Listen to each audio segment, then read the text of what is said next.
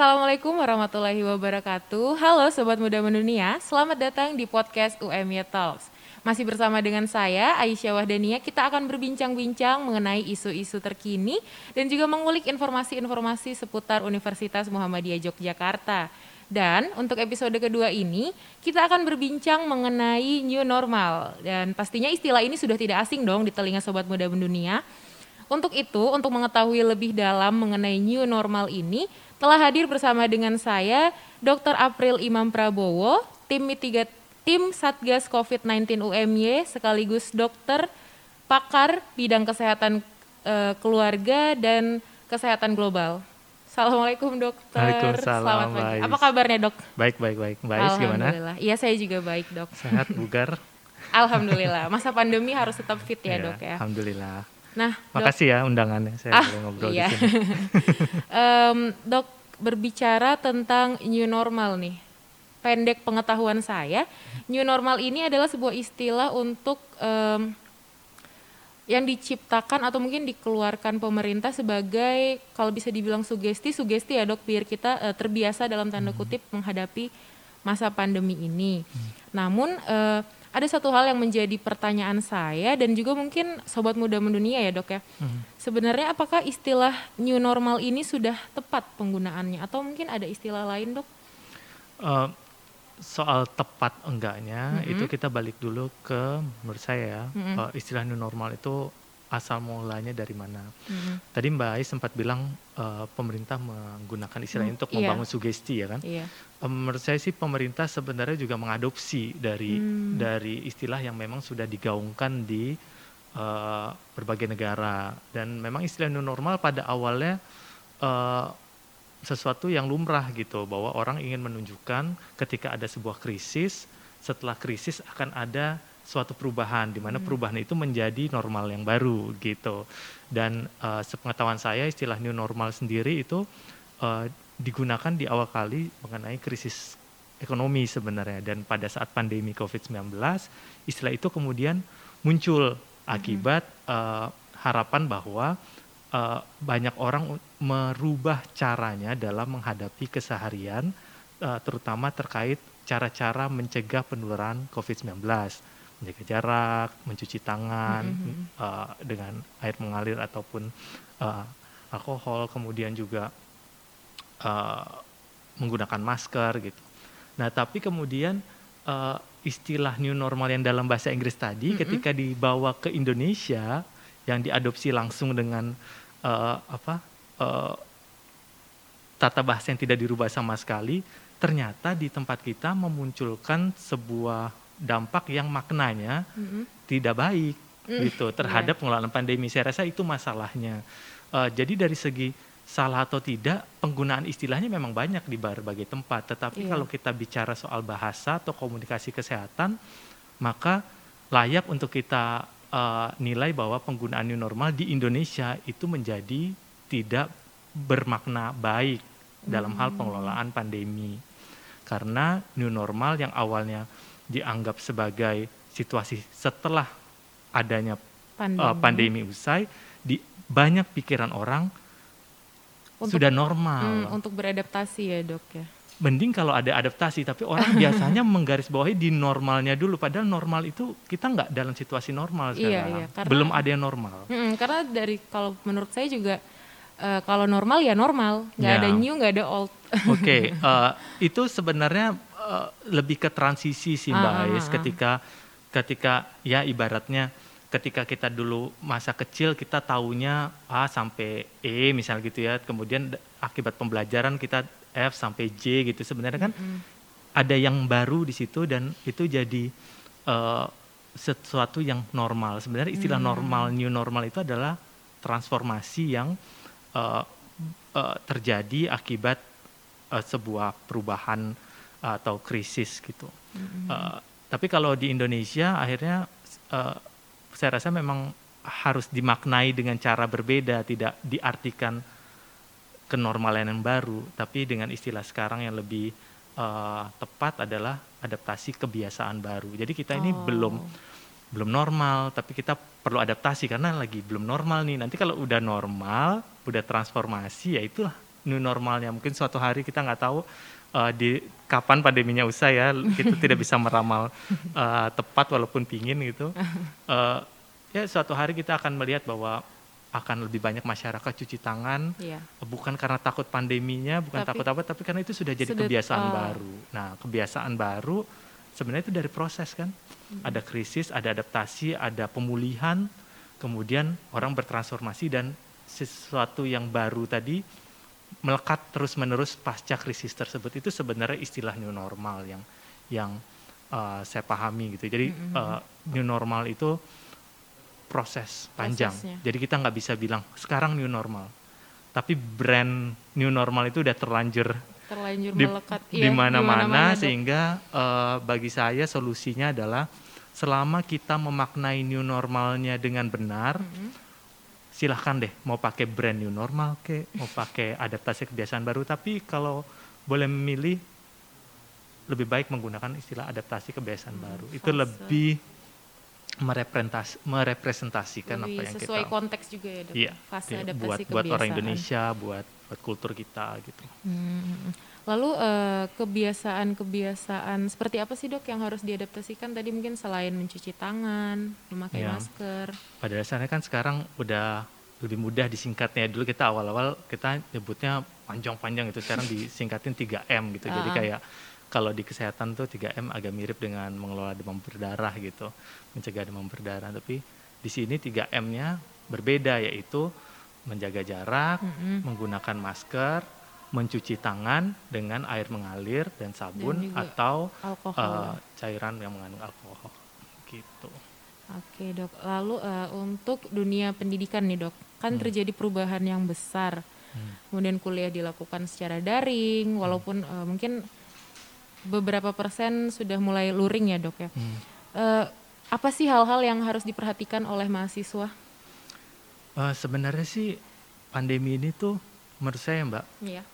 Pandeminya mudah dalam artian sebagai seorang tenaga kesehatan atau eh, bagian dari masyarakat secara umum Mm-mm. kita itu eh, tidak dalam posisi harus eh, menemukan formula obatnya formula vaksinnya terus mengetahui eh, apa eh, bagaimana eh, sifat alamiah virusnya jadi tidak dalam posisi itu sehingga mudah di sini artinya tinggal menggunakan informasi atau ilmu yang sudah ditemukan oleh para ilmuwan atau para profesional yang bergerak di bidang penemuan-penemuan tadi. Nah, eh, pada level itu kalau ditanya apa yang harus dilakukan sesederhana 3M tadi. Mm-mm. Tetapi yang susah adalah perilaku manusia. Iya. Nah, ini nih tantangan kita. Kita Mm-mm. eh, apa eh, kalau lihat di lingkungan sekitar kita kan kita generasi milenial ya mbak ya. Jadi Iya. eh, banyak sejawat kita atau juga eh, teman-teman di generasi berikutnya generasi Z gitu mungkin cenderung tidak merasa bahwa 3M yang sederhana tadi itu dampaknya luar biasa eh, apa poten gitu atau eh, kuat sekali. Jadi sederhana judulnya aja tapi sebenarnya dengan Dampaknya sederhana itu dampak ya. luar biasa Apalagi ini kan dok, sebagai mahasiswa itu gaya hidupnya tidak terlepas dari apa nongkrong, iya kumpul-kumpul, ke- atau mungkin kayak sekedar ke coffee shop duduk. Nah Iya. itu itu kan sebuah eh, gaya hidup ya dok ya. Hmm. Kemudian eh, dalam menghadapi ini sebenarnya kalau menurut dokter gimana? Karena kalau Hmm. saya juga jujur melihat di sekitar masih banyak Hmm. eh, kafe-kafe yang buka, yang ramai, kemudian ada beberapa yang tidak memakai masker, bahkan tidak ada social distancing itu kalau Iya. menurut dokter seperti apa? Memang kalau itu kayaknya balik ke hukum supply and demand ya Mbak ya. Ah. Jadi eh, kita mulai dari demandnya dulu deh gitu. Mm-mm. Kebutuhan ternyata saya juga cukup terkesima ya eh, antara kaget eh, apa eh, yang menyenangkan sama kaget yang ironi sebenarnya Mhm. gitu. Menyenangkannya karena ternyata orang Indonesia tuh eh, kita semua tuh seneng berkumpul gitu. Itu kan bagus sebenarnya ya, Iya. bersosialisasi, eh, terus membangun tali silaturahim Hmm. gitu. Tapi pada waktu sekarang itu jadi ironi gitu. Hmm. Eh, kenapa ketika kita diharapkan untuk solid untuk sesuatu yang berbeda, yaitu dengan uh, tetap menjaga silaturahmi tapi dengan menjaga jarak kita malah tidak solid di bagian itu gitu hmm. belum cukup lah uh, itu kan terlihat dari uh, tren uh, anak muda uh, tren anak muda yang kemudian lebih tepatnya sebenarnya tadi tren angka covidnya yang belum turun gitu iya. jadi uh, kebutuhan tadi sangat dimaklumi tetapi jadi uh, jadi ironis gitu mm -hmm. karena uh, kita kita ini yang dua, sama uh, teman-teman yang di generasi berikutnya itu yang 20 tahun lagi yang bakal mengelola negara ini ibaratnya gitu. Terus kita uh, saat ini menghadapi sebuah krisis yang sebenarnya bisa merepresentasikan seberapa kuat kita sebagai sebuah generasi untuk membawa bangsa dan negara ini gitu. Mm -hmm. Dan bakal dan bakal masih banyak krisis di masa yang akan datang yang kita nggak bisa ramal semuanya gitu. Benar. Yang udah bisa diramal aja tuh kita belum tentu solid Hmm. Pandemi ini nih kalau dari sudut pandang kesehatan uh, atau orang-orang yang bergerak di bidang epidemiologi, ini bukan pertanyaan soal uh, apakah akan ada pandemi, tapi kapan pandemi itu terjadi. Jadi selalu ada kemungkinan oh, gitu. Ada kemungkinan ya, dok. Nah kalau sekarang kita akhirnya terhenyak ya dengan hmm. bagaimana sebuah virus yang tidak kasat mata bisa mendisrupsi Kehidupan, pergerakan dunia iya. nggak iya. hanya negara hmm. Indonesia gitu. Jadi sebenarnya kalau kita sanggup melewati ini sebagai sebuah generasi atau beberapa generasi muda lah ya gitu. Ada yang milenial ada yang generasi Z gitu.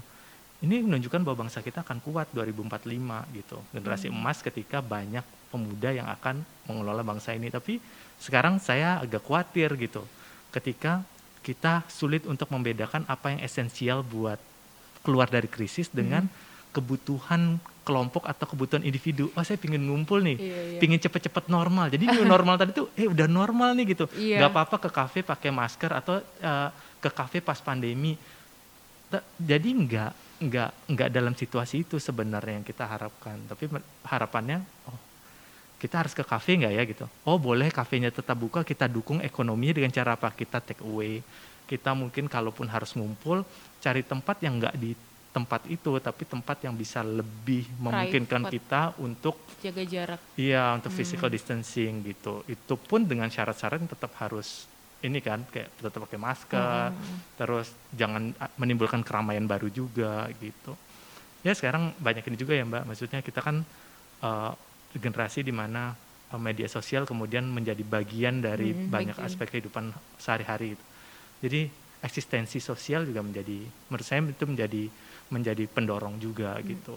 Nah, uh, gitu sih kira-kira kalau dari dari kacamata saya. Hmm, padahal di Jogja itu terakhir saya cek per tanggal 20 Oktober ada 13.453 suspek yeah. dok. Itu yeah, angka tuh. yang luar biasa. Kita tuh lucunya uh, ini lagi-lagi ya ada -hmm. hal yang bagus tapi sekaligus ironis gitu. Jadi -hmm. tidak pada tempatnya. Kita tuh kadang suka hal yang bagus tapi nggak pada tempatnya. Giliran diharapkan untuk dulu misalnya ya kalau belum pandemi saya ngebayangin kayaknya nggak serame ini orang yang mau olahraga gitu. Ah iya. Iya kan? Iya, terus iya. sekarang tiba-tiba banyak.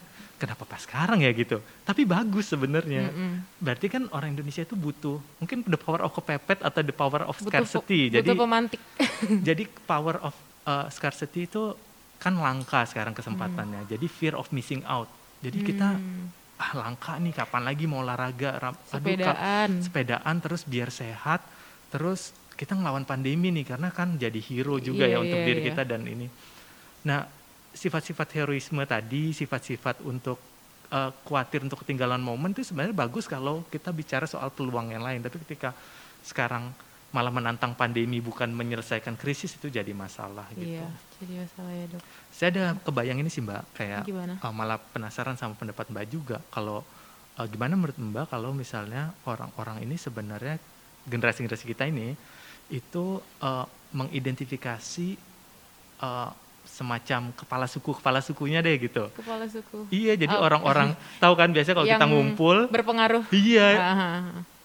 Apa jadi uh, pemimpin tapi uh, yang yang tidak dideklarasikan secara resmi mm -hmm, gitu. Seperti mungkin orang yang berpengaruh di satu circle. Iya, yuk ngumpul yuk gitu. Mm -hmm. Satu orang yang ajak, semuanya Semua ikut gitu. Uh -huh. Karena dia orang yang asik, yeah. orang yang menyenangkan, orang yang membawa suasana yang enak gitu. Yeah. Jadi harapannya orang-orang itu kalau bisa kita identifikasi, kita dekati dia untuk tolong dong Hmm. pakai masker biar yang lain ngikut tolong Mm, dong promoin jaga jarak tolong dong eh, apa ajakin cuci tangan gitu Iya, itu sih iya, se- iya. sebenarnya yang kayaknya kayak belum terlalu di ini apa di Perhatikan ya dok. digalakkan lah Oh, gitu digalakan, oh. saya lagi nyoba-nyoba juga sih di tapi kalau menurut Bais itu kira-kira berjalan ya buat generasi kita Bisa sih dok, karena kan eh, kalau saya lihatnya dari banyaknya influencer-influencer juga kan mulai promosikan Hmm. ini apa gerakan 3M tadi. Hmm. Saya rasa kalau dari circle-circle terdekat sepertinya bisa sih dok. lebih, lebih ini ya. Lebih ini malah lebih kayak eh dia cuci tangan nih masa aku Hmm. tidak. ya kayaknya gitu. Jadi mudah-mudahan sih yang yang denger di apa podcast ini kalau ada yang kadang kan kita juga nggak enak ya mau ngingetin gitu. Jadi malah mendingan deketin siapa tuh yang jadi uh, orang yang memiliki tingkat pengaruh tinggi ya. Bisa dibilang kepala suku tadi walaupun secara informal gitu. Jadi kalau dia orang-orang yang bisa punya pengaruh deketin terus biar lingkaran pertemanannya Sehat. sehat, makin lama makin luas. Jadi kita nih makin kolektif eh, sebagai generasi yang bisa membawa negeri ini keluar dari krisis juga gitu. Jadi bukan Iya, jadi iya. bagian dari masalah. Kemarin saya ada baca tuh di Gimana, di eh, koran Kompas ya, Mm-mm. tulisannya di Jogja meningkat dan paling banyak anak muda. Aduh, gitu. kan eh, walaupun saya- Ironi. iya ironi walaupun saya bukan remaja ya, tapi kan eh, berasa sebagai bagian dari golongan pemuda gitu. Itu Mm-mm. aduh itu ironis sih gitu. Sayang. Iya ya. Lalu eh, kembali ke mahasiswa nih dok, Hmm. khususnya mahasiswa UMI ya. Hmm. Eh, pastinya kan ada challenge dan opportunity yang akan ditemui kan hmm, untuk hmm, menghadapi pandemi ini. Hmm. Nah seperti apa sih persiapan-persiapan yang harus dilakukan dan mungkin eh, seperti apa sih kira-kira challenge dan opportunity yang akan mereka temukan? Oke, sekarang kalau dari kalau persiapan tadi menghadapi kuliah misalnya ya, Mm-mm, harus mm-mm. harus itu kan kegiatan esensial Esensial. Uh, dan itu pun udah dibantu oleh uh, pemegang kebijakan akademik maupun Mm-mm. infrastruktur di UMI untuk disiapkan semua karena menjadi sehat itu nggak nggak apa nggak cuman karena satu faktor ada faktor individu ada faktor lingkungan ada infrastruktur juga gitu uh, dan banyak macamnya uh, Mm-mm. kebijakan segala macam nah akhirnya kan jadi perannya mahasiswanya nih ya. Sekarang kita fokus ke uh, apa Mahasiswa. eh, generasi mahasiswanya. Itu eh, mendukungnya yang pertama kalau memang semangat buat kuliah dan melihat ini sebagai peluang ya akhirnya saya bisa keluar dari gua di rumah gitu atau saya apa ah, sarang di rumah gitu ya.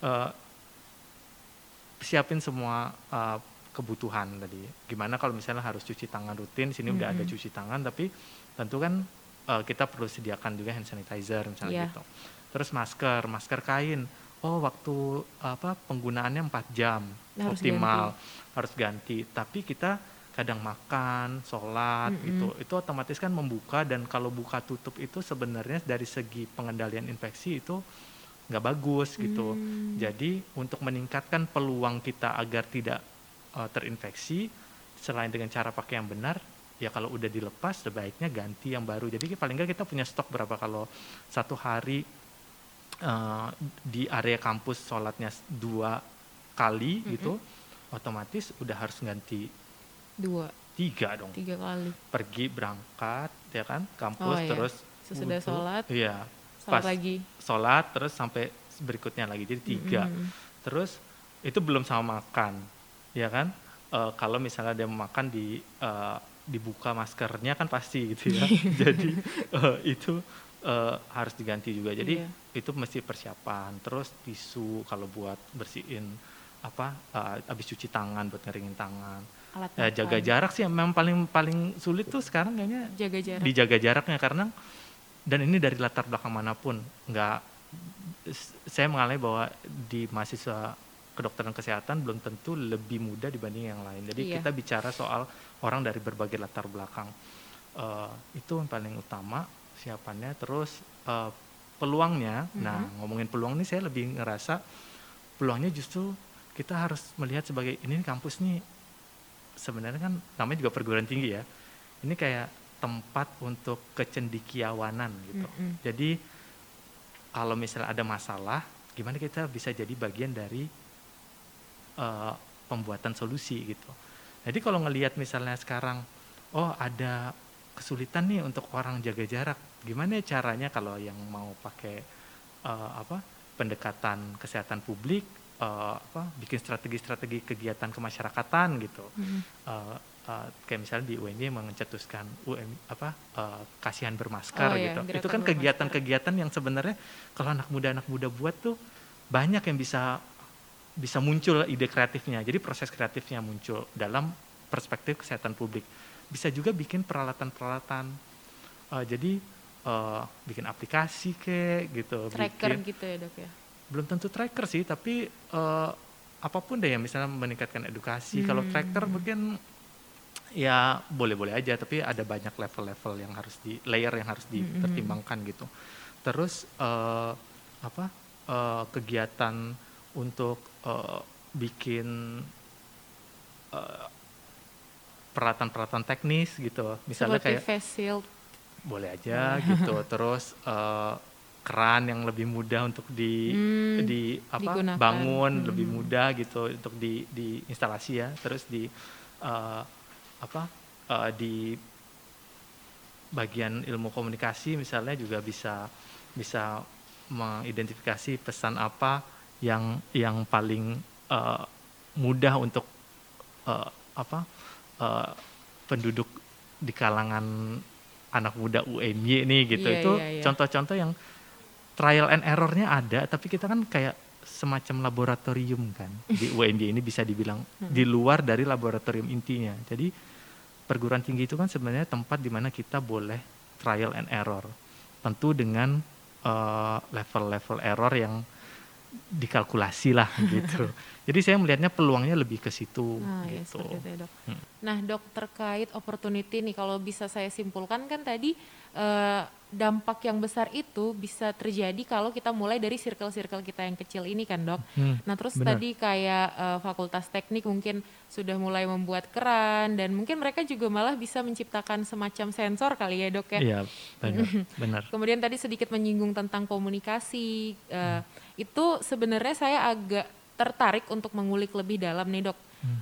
Eh, terutama kan eh, kita dari tim podcast ini, dari tim Lab IKA ini kan kita kebanyakan bukan kebanyakan dan kita kita memang berasal dari rumpun eh, ilmu sosial politik kan dok. Hmm. Nah untuk mengambil langkah kecil itu, kalau menurut pandangan saya pribadi, kalau berasal dari ilmu sosial itu agak sedikit lebih sulit dalam tanda kutip dibandingkan dengan eh, yang berasal dari rumpun sains dok Hmm. untuk melakukan langkah-langkah kecil itu. Nah itu seperti bagaimana dok?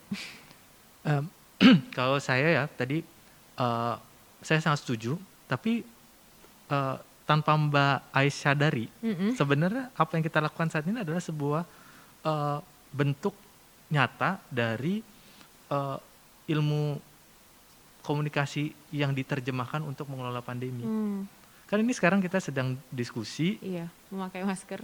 memakai masker menjadi contoh ya kan. Terus kita ngomongin topik soal mengelola pandemi. Mm-mm. Terus nggak hanya nggak cuman kita nih, saya Iya. juga harus mengapresiasi biar teman-teman yang eh, nggak lihat eh, di layar ini bahwa tahu bahwa sebenarnya tim podcast di balik layar juga menerapkan protokol kesehatan yang baik, jaga jarak, Hmm. pakai masker itu tangan buat Iya. tim podcast. Apresiasi ya dok ya. Iya. Dan tambahan, Mm-mm. bahkan tadi ngomong-ngomong soal eh, peluang apa lagi yang bisa dilakukan sebelum mulai podcast kan tadi kita sempat diskusi Iya berdiskusi. uh, sama tim podcast ini uh, ada hasil observasi ya dan juga ada latar belakang ilmiahnya juga bahwa Mm. uh, rata-rata orang Indonesia katanya ya kan itu lebih mudah uh, untuk melakukan sebuah perubahan uh, gaya hidup atau melakukan uh, sesuatu yang direkomendasikan Mm. kalau basis uh, ajakannya itu dibarengi dengan reward ketimbang Oh, dengan iya. sanksi atau punishment. Ah, ah. Dan saya dari sudut pandang kesehatan setuju soal itu juga. Jadi eh, ini sebuah eh, latar belakang teori observasi yang sebenarnya bisa kita eh, perdalam eh, untuk menemukan formula apa nih yang bisa dilakukan Hmm, di formula kalangan yang tepat lah ya, iya dok ya. formula yang semakin optimal Mm-mm. eh, agar eh, lewat ilmu sosial dan eh, eh, komunikasi tadi eh, itu bisa menemukan kontribusi yang lebih spesifik Hmm. selain yang udah ada sekarang. Hmm, Jadi reward. iya, gimana ya caranya supaya eh, orang-orang yang sudah eh, punya panggilan untuk melakukan protokol kesehatan yang baik, Hmm.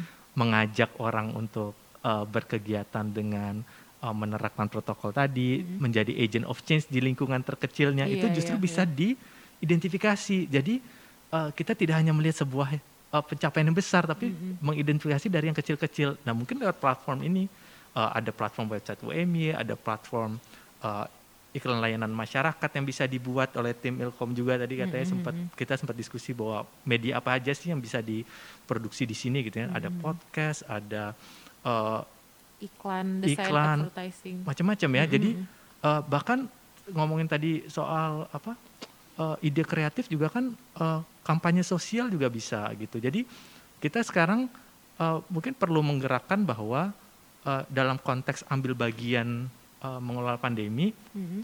berpikirlah bahwa sesuatu yang kecil itu dihargai. Yeah. Nah kita habis ini paling enggak satu sama lain kita saling memuji, mm-hmm. saling menghargai. Kalau ketemu teman yang, aduh kamu makasih ya udah pakai masker karena kamu melindungiku dan aku melindungimu. Yeah, gitu. yeah, itu yeah, contoh-contoh yeah, yang saya nggak tahu nanti mungkin teman-teman dari ilmu komunikasi punya uh, bahasa-bahasa lain yang lebih ciamik gitu ya, uh-uh. uh, apa dan kemudian bisa dimasukkan ke medsos UMY juga kan, ada platform-platform yang digunakan banyak orang hmm. sekarang ada Instagram, ada TikTok. Saya sendiri nggak main TikTok, tapi yeah. Iya. uh, kalau itu digunakan baik ya why not lah gitu. Iya, why not karena uh, kalau dilihat dari fakta juga ketika kita dipuji kita akan lebih semangat dok untuk melakukan itu ya, sesuatu benar, hal. Benar, iya. Kalau saya. Iya pribadi juga seperti itu. Saya juga sih kalau dipikir-pikir ketika kita tanya siapa sih yang nggak senang dapat pujian, tapi iya.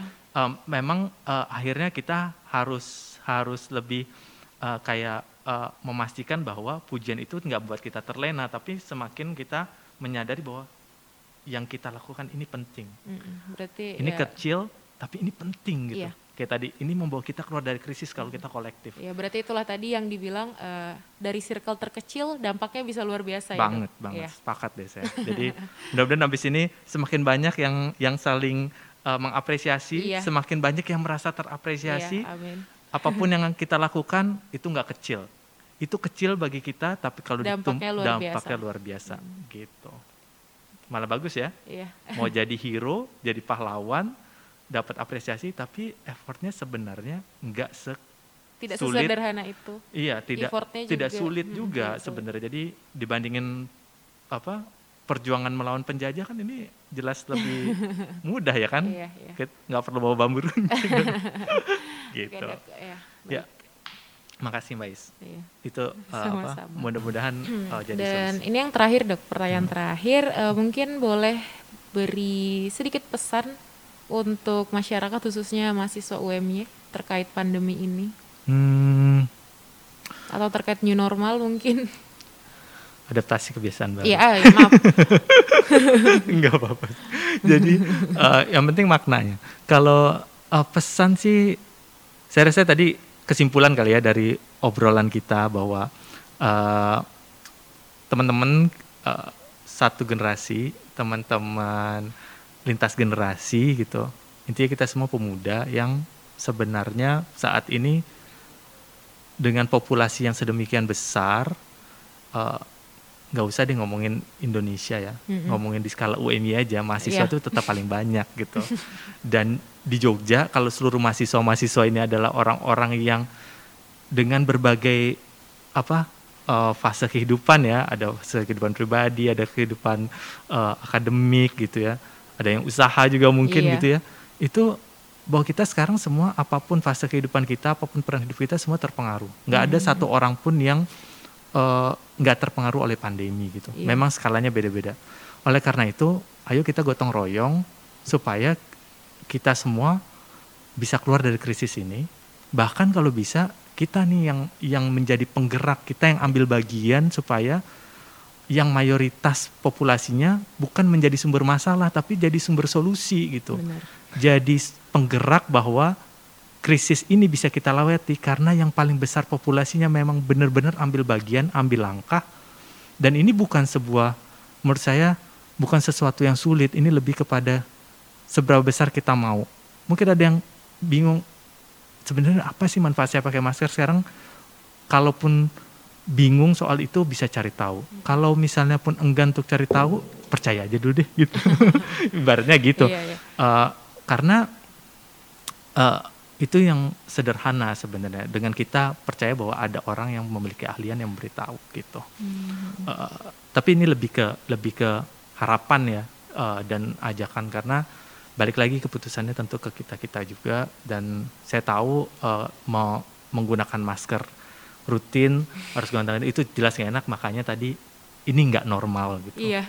Ini harus cuci tangan setiap kapan apa Setiap uh, megang Megang benda sesuatu sempat. ya rasanya nggak aman gitu itu juga nggak normal Iya. gitu terus apa jaga jarak man nggak normal kok bersilaturahmi dalam jarak 2 meteran gitu kita Benar. ngobrol di podcast ini dengan masker aja itu nggak normal tapi eh, mari kita rangkul Iya. rangkul situasi ini sebagai ini masalah dan kita ayo keluar bareng-bareng gitu. Jadi eh, mudah-mudahan tanpa sadar eh, tanpa menghitung waktu yang sedemikian apa eh, kalkulatif atau detail tiba-tiba kita sudah keluar dari pandemi ini insya Allah. Hmm, amin, gitu. amin ya Allah. Semoga cepat berlalu ya dok Amin, pandeminya. amin. Iya. Eh, sepertinya perjumpaan kita terbatas oleh waktu dok. Iya. Iya. Selalu gitu ya. Padahal seneng kalau ngobrolin ini. Eh, dan saya selalu antusias kalau eh, apa bisa dapat kesempatan kalau bisa ngobrol hmm. diskusi apalagi Mbak Ais tadi menurut saya eh, menyenangkan melihat apa disku, apa poin-poin yang Mbak Ais bawakan Iya. tadi menurut saya Nah, Oke. mudah-mudahan bisa di eh, apa ya diambil sama teman-teman kita Iya. ya manfaat Mm-mm. pembicaraan kita ini Oke, Eh, terima kasih waktunya dokter. sama-sama Mbak Ais terima Terima kasih sekali lagi undangannya Iya. Terima kasih Sobat Muda Mendunia sudah mendengarkan dan menyaksikan episode kedua ini. Semoga apa yang sudah disampaikan oleh Dokter April tadi dapat diresapi dan diaplikasikan ke kehidupan kita semua ya Sobat Muda Mendunia. Eh, akhir kata saya ucapkan wabillahi taufiq wal hidayah. Wassalamualaikum warahmatullahi wabarakatuh. Sampai jumpa di episode selanjutnya. Assalamualaikum warahmatullahi wabarakatuh